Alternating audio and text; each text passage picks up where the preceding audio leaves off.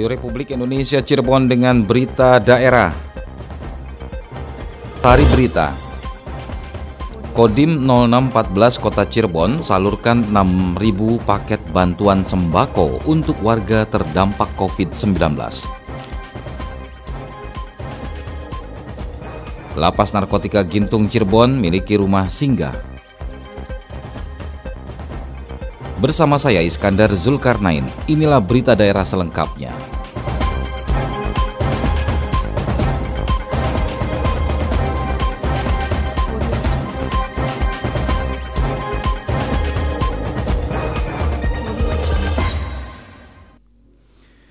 Kodim 0614 Kota Cirebon salurkan 6.000 paket bantuan sembako untuk warga terdampak COVID-19 Laporan selengkapnya disampaikan Aji Satria. Aksi sosial untuk menggalang bantuan dan mendistribusikannya kepada warga yang berhak, warga yang kurang mampu dan yang benar-benar membutuhkan dilakukan oleh Kodim 0614 Kota Cirebon. Pedoman TNI bersama rakyat pun terus dilakukan demi memberikan bantuan yang maksimal terhadap masyarakat di tengah pandemi wabah virus corona atau COVID-19 terutama yang terdampak. Kepada RRI dan Dim 0614 Kota Cirebon, Letkol Infanteri Heri Indrianto mengatakan sejauh ini selama masa pandemi pihaknya sudah mendistribusikan kurang lebih 6.000 paket bantuan sembako kepada masyarakat yang terdampak COVID-19, terutama yang belum mendapatkan paket bantuan apa pun. Pendistribusian dilakukan dengan baik dan maksimal secara door to door dan lain sebagainya langsung ke penerimanya. Membagikan kurang lebih 4.000 paket sembako. Ini tentunya bukan atau di luar paket pemerintah tadi ya. Jadi mm -hmm 4.000 ini akan kita distribusikan di lima kecamatan di wilayah kota Cirebon. Berarti kalau di total sudah hampir mencapai 6.000 ya Pak? Ya. Hampir kayak bantuan pemprov ya Pak? Jumlahnya Pak? Ya hmm. kalau ya kurang lebih yang bersama. Hmm. Tapi kami mengharapkan tetap menyasar masyarakat pas ekonomi ke bawah yang kira-kira memang yang belum mendapatkan alokasi itu ya Pak. Nah, kita terakhir kami di wilayah Argasunya. Oh iya, Argasunya paling banyak Pak di situ ternyata memang mereka belum pernah mendapat paket sembako hmm. bagi ke daerah. Dan Dim 0614 Kota Cirebon, Letkol Infanteri Heri Indrianto berharap dengan semangat kebersamaan tersebut seluruh bantuan yang diberikan bisa dimanfaatkan dengan sebaik mungkin oleh masyarakat yang membutuhkan dan masyarakat bisa terus bersemangat menjalani kehidupan di masa saat ini. Dan Dim juga berharap perilaku hidup bersih dan sehat tetap diutamakan agar bisa terhindar dari berbagai macam penyakit termasuk virus corona atau COVID-19. Aji Satria melaporkan.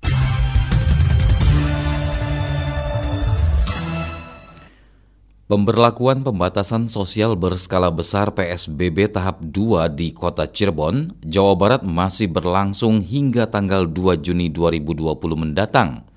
Namun, tingkat kepedulian masyarakat terhadap penyebaran COVID-19 justru mengalami penurunan.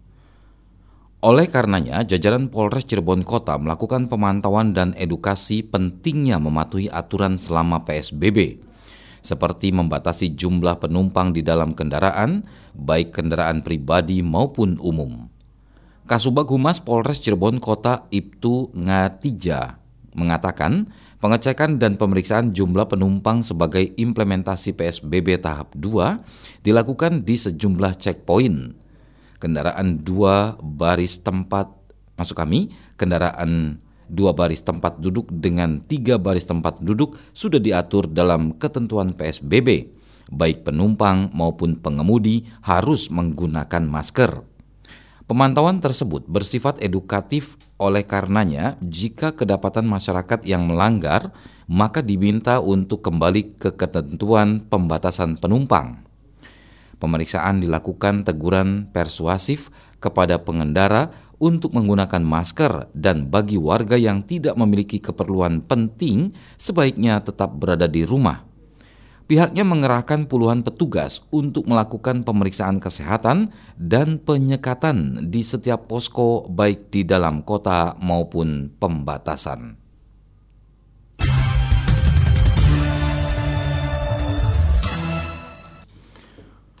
Wabah COVID-19 merupakan salah satu ujian terberat saat ini baik bagi pemerintah, masyarakat maupun sektor usaha. Berbagai upaya dilakukan termasuk pemberian bantuan sosial bansos oleh pemerintah pusat, pemerintah provinsi dan pemerintah kota Cirebon, juga dari sektor swasta, organisasi masyarakat, pelaku dunia usaha. Pemberian bansos berdasarkan data yang berasal dari dua sumber, yaitu dari data DTKS, data terpadu kesejahteraan sosial, dan data non-DTKS.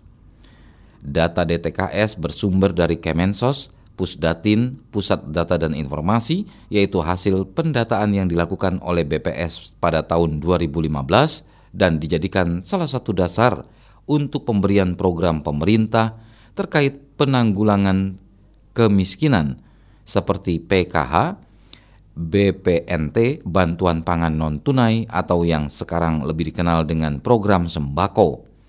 Sedangkan data non-DTKS bersumber dari usulan masyarakat melalui kelurahan yang selanjutnya diajukan ke Dinsos atau SKPD lain untuk diseleksi sesuai prosedur dan persyaratan yang telah ditentukan.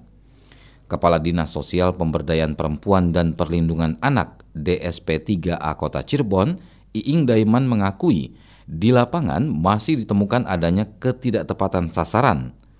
Salah satu di antaranya disebabkan adanya data DTKS masih menggunakan data per tahun 2015 sehingga terdapat beberapa data yang sudah pindah, meninggal dunia, berubah status menjadi mampu. Menurut Iing Daiman, Pemkot Cirebon akan melakukan verifikasi dan validasi data kemiskinan DTKS dan non-DTKS dengan melibatkan berbagai unsur termasuk para ketua RW. Selain itu akan dilakukan updating data kemiskinan secara periodik dan kontinu. Melakukan labelisasi atau pemberian tanda bagi penerima program penanggulangan kemiskinan seperti program PKH, program sembako yang diharapkan bisa sebagai media kontrol masyarakat terhadap ketepatan sasaran.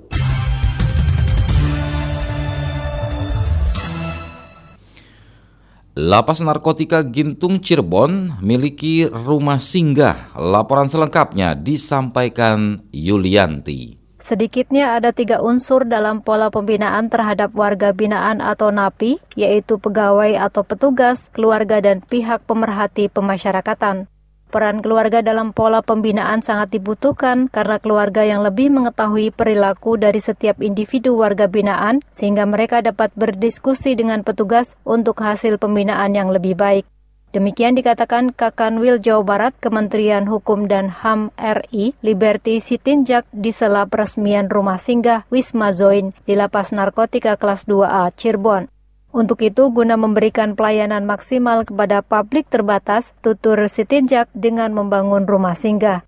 Selain itu, upaya menuju peningkatan kualitas lapas sebagai wilayah birokrasi bersih melayani WBBM. Yang kedua ini soal rumah singgah. Di sinilah kementerian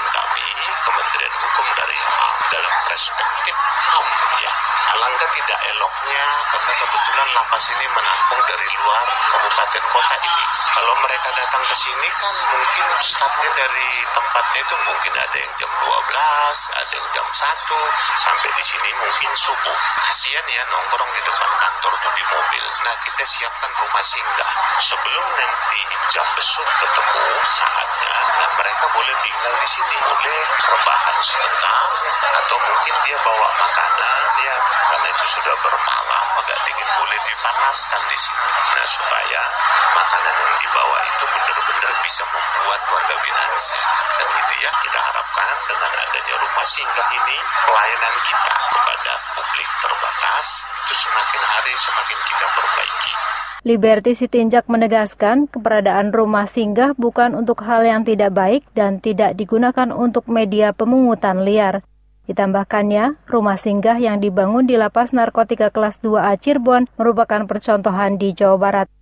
Sedangkan untuk pembangunan rumah singgah di lapas lainnya berdasarkan tempat tinggal dan putusan.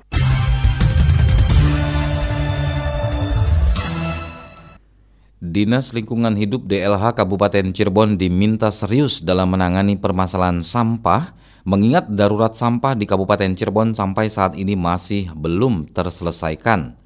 Bahkan pengadaan lahan untuk tempat pembuangan akhir sampah TPAS pun belum juga terrealisasi. Hal itu disampaikan aktivis lingkungan Cirebon Dedi Majmu kepada RRI. Menurutnya, permasalahan sampah harus ditangani secara serius sehingga DLH harus mempunyai target program dalam jangka pendek maupun menengah agar penanganan sampah ini jelas progresnya.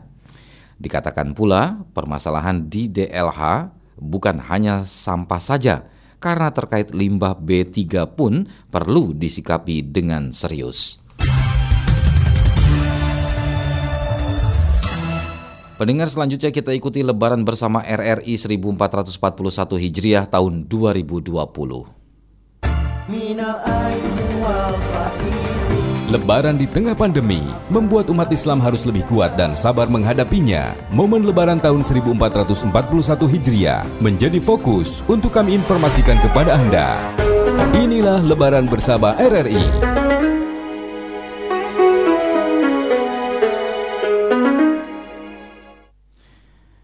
RRI Cirebon mulai H-7 sampai H plus 7 Hari Raya Idul Fitri 1441 Hijriah memberikan berbagai informasi terkini seputar aktivitas masyarakat dari para reporter di jalur Pantura Cirebon, Brebes, Majalengka, dan sekitarnya. Untuk mengetahui situasi terkini di gerbang tol Palimanan Cirebon, kita menuju reporter Lengga Ferdiansa. Lengga, laporan Anda.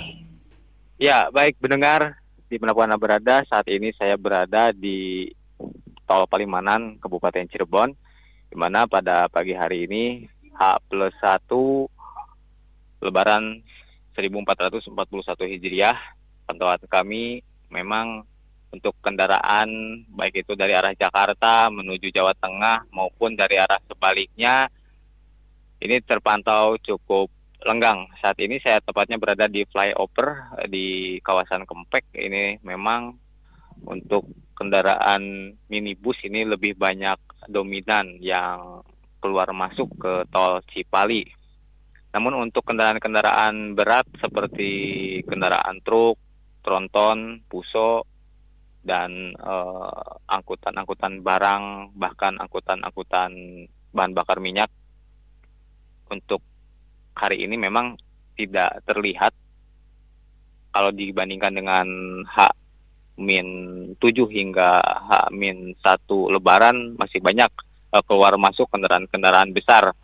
Namun untuk uh, H plus 1 saat ini ini cenderung kendaraan-kendaraan minibus yang banyak keluar masuk ke tol uh, Cipali. Dan memang jika dibandingkan dengan sebelum lebaran kendaraan-kendaraan memang untuk dari arah Jakarta lebih uh, banyak. Untuk ke Jawa Tengah. Namun untuk saat ini memang dari arah Jawa Tengah ini lebih uh, dominan uh, masuk ke tol Cipali. Dan kendaraan-kendaraan dari arah Jakarta juga masih ada yang uh, keluar. Ini terutama angkutan-angkutan travel masih ada yang membawa penumpang-penumpang dari wilayah kota-kota besar untuk mudik ke jalur uh, Palikanci. Dan untuk pelarangan mudik bagi uh, masyarakat yang telah digembar-gemborkan sebelumnya uh, untuk larangan mudik memang masih ada pemudik-pemudik yang mencuri-curi waktu untuk pulang ke kampung halamannya baik itu ke arah Jawa Tengah maupun uh, Jawa Timur. Dan pagi hari ini di kawasan Tol Palimanan, meskipun uh, petugas dari Polresta Cirebon masih uh, siap siaga, begitu juga dengan petugas kesehatan dari Dinas Kabupaten Dinas Kesehatan Kabupaten Cirebon, BPBD Kabupaten Cirebon, Damkar, Satpol PP masih pagi hari ini masih ada bersiaga dan masih ada yang uh, berjaga di Tol Palikanci, namun tidak ada pagi hari ini tidak ada kegiatan untuk checkpoint. Biasanya checkpoint di kawasan Tol Palimanan ini dilakukan antara pukul 09.00 eh, hingga pukul 10.00. Dan untuk dari kendaraan dari arah Jakarta menuju Jawa Tengah ketika mereka para sopir keluar dari tol Cipali ini banyak yang menepi di pinggir jalan untuk uh, kemungkinan mereka untuk beristirahat sejenak karena dari kota-kota besar Jakarta dan sekitarnya ini cukup lumayan jauh menempuh perjalanan di Tol Cipali.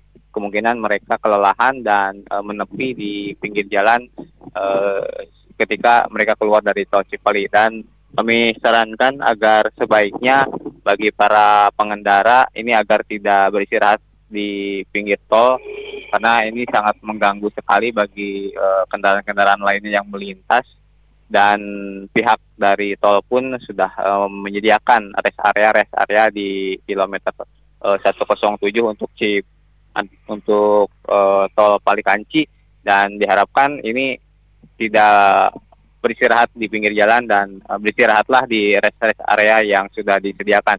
Dan tentunya bagi pengendara juga yang akan uh, melakukan transaksi di uh, tol Palimanan agar uh, mempersiapkan uh, e tol Anda untuk uh, mencukupi saldonya agar uh, lebih uh, mempercepat uh, proses uh, transaksi di tol Palikanci dan tol Palimanan. Begitu juga untuk kendaraan-kendaraan uh, yang uh, keluar masuk di tol Palimanan ini, ini rata-rata antara satu hingga dua kendaraan yang melakukan uh, transaksi. Dan untuk gardu tol Palimanan sendiri, untuk dari arah Jakarta menuju Jawa Tengah dibuka tiga pintu gardu, begitupun untuk dari Jawa Tengah menuju Jakarta atau kota-kota uh, besar, ini juga dibuka tiga uh, GTO. Demikian laporan dari kawasan Palimanan Kabupaten Cirebon. Selanjutnya kembali ke studio. Terima kasih Lengga Ferdiansa atas informasi Anda dan pendengar informasi yang disampaikan reporter Lengga Ferdiansa dari Tol Palimanan ini ternyata di tol Palimanan terpantau ya arus kendaraan dari arah Jawa Tengah Jawa uh, Jawa Tengah Jawa Timur menuju ke Jakarta ini terlihat lengang ya. Dan hari ini uh, tadi disampaikan reporter Lengga Ferdiansa juga bahwasannya tidak ada kegiatan checkpoint. Baik peringar dari gerbang tol Palimanan Cirebon Kini kita menuju ke pos checkpoint Pleret Cirebon. Di sana ada Alex Sunardi. Alex, laporan Anda. Baik, terima kasih rekan Iskandar Zulkarnain. Pendengar, seperti tadi yang disampaikan uh, rekan Iskandar Zulkarnain, pagi hari ini saya berada di posko checkpoint uh, Weru Kabupaten Cirebon, di mana pada H plus 1 Idul Fitri 1441 Hijriah pada pagi hari ini uh, dapat saya laporkan bahwa situasi arus lalu lintas di jalur Pantura Kabupaten Cirebon tepatnya di saat ini saya melaporkan di Kecamatan Peleret Kabupaten Cirebon arus pagi hari ini memang uh, terpantau masih cukup lenggang dan bisa dikatakan cenderung uh, cukup sepi. Masih belum uh, terlihat uh, kendaraan uh, kendaraan baik uh, roda 4 maupun roda 2 terutama yang uh, berasal dari luar Cirebon yang pada H plus 1 hari ini akan uh, melakukan perjalanan uh, balik dari kampung halaman tentunya menuju ke arah Jakarta dan kota-kota besar lainnya. Dan aktivitas uh, di pagi hari ini di jalur Pantura ini rekan Iskandar lebih uh, didominasi oleh masyarakat uh, Cirebon yang tentunya akan uh, melakukan uh, aktivitas di pagi hari baik itu mungkin akan uh, berbelanja ke pasar uh, maupun aktivitas kegiatan lainnya. Dan di posko checkpoint sendiri pagi hari ini memang uh, petugas uh, gabungan dari TNI, Polri, Dinas Kesehatan, Satpol PP dan juga uh, Dinas Perhubungan yang uh, biasa uh, standby berjaga di posko checkpoint uh, Weru ini. Pagi hari ini masih uh, belum terlihat uh, petugas yang menjaga. Hanya ada petugas yang berdinas di malam hari yang pagi hari ini masih uh, sepertinya beristirahat dan uh, petugas yang berdinas di pagi hari ini tentunya mungkin akan baru datang di pukul 8 pagi karena uh, pukul 8 pagi merupakan pergantian shift uh, dinas di posko cek uh, poin uh, Weru ini. Dan untuk uh, cuaca pagi hari ini memang uh, masih cukup uh, dingin tentunya dan matahari juga masih malu-malu untuk uh, bersinar. Dan tentu kepada uh, para pengendara yang uh, melintas di jalur cek uh, Pantura Pleret ataupun uh, sepanjang Pantura Kabupaten Cirebon ini harus uh, mempersiapkan uh, diri terutama kendaraan roda dua. Karena dalam uh, beberapa hari terakhir wilayah Kabupaten Cirebon dan juga wilayah Cirebon uh, pada umumnya ini beberapa uh, dalam beberapa hari terakhir ini uh, sering uh, turun hujan yang uh, cukup lebat. Sehingga uh, para pengendara terutama uh, pengemudi atau pengendara roda dua harus selalu mempersiapkan uh, jas hujan karena pagi hari ini pun cuaca uh, masih uh, cukup dingin dan terkesan cukup uh, agak sedikit mendung dan tentunya uh, harus tetap diwaspadai oleh para pengendara yang uh, melintas di jalur uh, Pantura Kabupaten Cirebon dan saat ini juga saya belum uh, melihat uh, plat nomor ataupun kendaraan besar yang uh, melintas di jalur ini dan masih rata-rata didominasi kendaraan lokal maupun angkutan-angkutan uh, umum uh, dari uh, kota dan kabupaten Cirebon. Baik, rekan Iskandar Julkarnain, informasi yang dapat saya sampaikan dari pos checkpoint uh, Pleret Kabupaten Cirebon, Alex Sunardi melaporkan kembali ke Anda di studio. Idul Fitri di tengah pandemi. Anda sedang mendengarkan program Lebaran bersama RRI.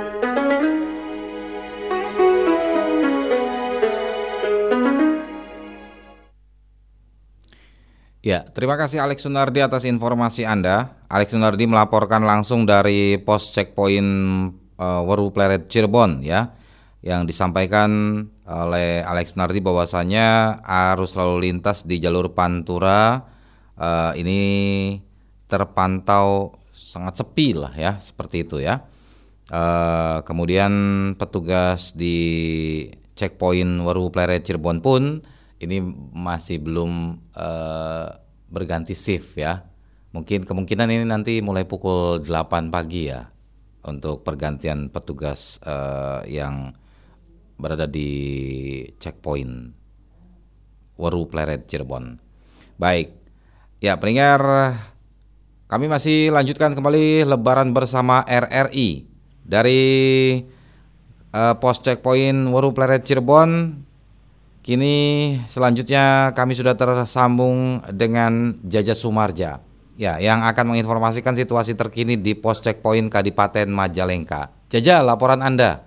Ya, baik eh, pendengar RRI di mana berada, dapat saya laporkan dari cek poin Kadipaten Majalengka bahwa saat ini di H plus kedua uh, Lebaran uh, tahun 2020 ini memang masih arus lalu lintas masih terpantau lenggang dan belum ada lonjakan uh, belum ada lonjakan kendaraan baik kendaraan roda dua maupun roda empat dan saat ini petugas masih standby di pos checkpoint Kadipaten selama 24 jam. Dan selain itu pendengar dapat saya laporkan pula bahwa hari ini merupakan hari ini eh, di H plus 2 Lebaran aparatur sipil negara atau ASN juga di wilayah Kabupaten Majalengka uh, akan kembali beraktivitas seperti biasa dan dipastikan uh, tidak ada cuti bersama pada Lebaran tahun ini. Menurut Sekda Majalengka Haji Eman Suherman bahwa sebagai pengganti cuti bersama uh, Hari Raya Idul Fitri 1441 Hijriah yaitu akan dilaksanakan di akhir Desember tahun 2020. Hal tersebut sesuai dengan surat keputusan bersama eh, tiga menteri nomor 440 tahun 2020 dan nomor 3 tahun 2020. Dan sebagai pengganti cuti bersama Lebaran 2020 adalah pada akhir Desember, tepatnya pada hari Senin hingga eh, Kamis tanggal 28 sampai 31 Desember 2020 mendatang. Dan selain itu, pendengar ia juga berharap dengan waktu libur yang singkat ini, seluruh ASN khusus di Kabupaten Majalengka dapat memanfaatkannya semaksimal mungkin. Uh, mungkin dan jika ada ASN yang tidak masuk kerja setelah libur Lebaran maka BKD akan ada sanksi akan, maka disebut akan melakukan razia ke sejumlah tempat pegawai dan akan dikenakan sanksi disiplin sesuai dengan aturan yang berlaku. Dan saya berharap uh, seluruh ASN untuk tetap bertanggung jawab pada setiap pekerjaannya masing-masing, baik yang bertugas di masa pandemi COVID-19 dan juga tugas kedinasannya. Dan pendengar selain itu uh, bahwa sekda juga meminta bahwa sebagai ASN harus menjadi contoh kepada masyarakat bahwa ASN adalah orang yang berdisiplin dan bertanggung jawab. Demikian yang dapat saya laporkan dari Majalengka terkait pasca lebaran hari ini seluruh ASN kembali beraktivitas dan pantauan di arus uh, lalu lintas di checkpoint Kabupaten. Dari Majalengka, Jaja Sumarja melaporkan ke, ke studio. Baik, terima kasih Jaja Sumarja atas informasi Anda di langsung ya dari pos checkpoint Kadipaten Majalengka bahwasanya di arus lalu lintas di kawasan Kadipaten Majalengka ini terlihat uh, lengang dan tadi Jaja Sumarja juga menyampaikan bahwasanya untuk para pekerja ataupun juga pegawai hari ini sudah kembali akan melakukan aktivitas rutin seperti biasanya. Baik, dan apabila ada ada pegawai yang tidak masuk ataupun molor e, masuk kerja, ini akan ada sanksi sepertinya. Itulah yang disampaikan oleh reporter Jaja Sumarja langsung dari Kadipaten Majalengka. Ya, pendengar selanjutnya bagaimana situasi terkini di Brebes? Di sana sudah ada rekan Raditya yang akan melaporkannya. Raditya, laporan Anda. Ya baik, terima kasih. Uh, pendengar kami informasikan bahwa untuk saat ini di uh, Brebes ya, uh, utamanya di jalur Pantura uh, masuk dari uh, perbatasan ya untuk Jawa Barat Jawa Tengah yaitu di uh, Kecamatan Losari. Ini di checkpoint uh, pos checkpoint Kecibir uh, tempat terlihat pagi hari ini cerah dan uh, kendaraan yang melintas juga tidak terlalu banyak hanya ada uh, truk dan uh, kendaraan lokal masyarakat lokal yang melakukan aktivitas. Uh, sementara untuk uh, checkpoint di Kesipir Pantura ini uh, sejak kemarin ya hingga H plus satu ini uh, sudah uh, melakukan pemeriksaan atau uh, pemeriksaan terhadap kendaraan pemudik ya karena masih saja ada pemudik yang melintas di Pantura. Bahkan hingga pagi ini masih ada kendaraan pribadi yang melintas uh, yang uh, disinyalir merupakan pemudik karena uh, berplat B ataupun D mengarah menuju ke uh, arah Semarang.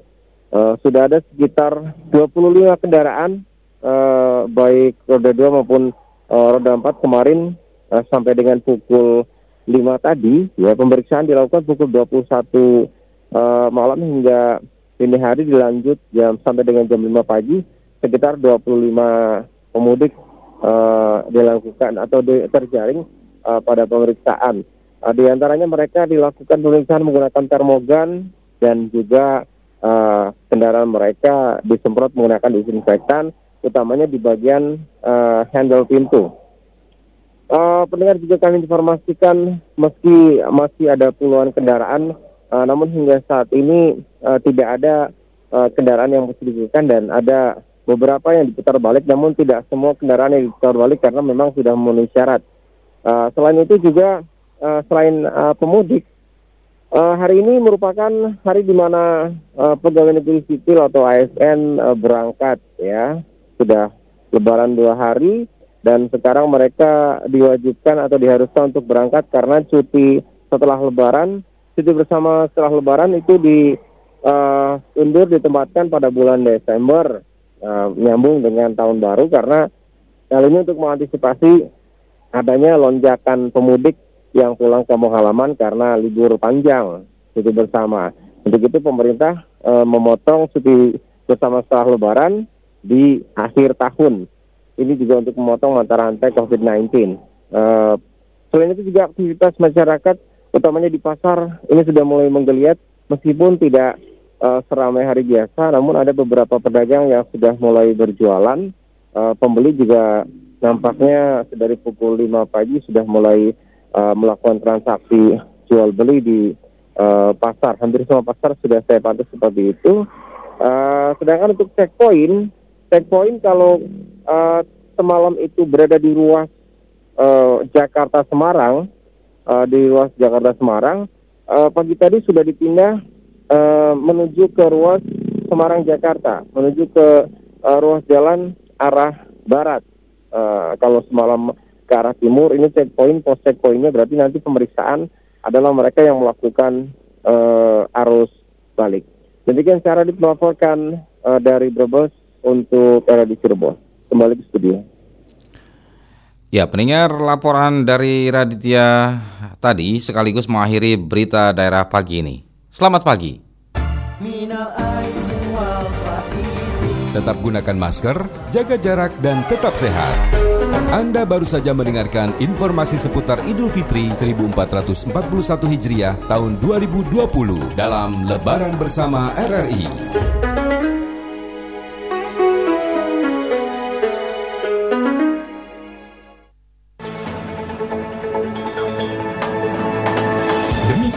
Rangkaian berita aktual pagi ini dalam Buletin Berita Daerah Radio Republik Indonesia Cirebon.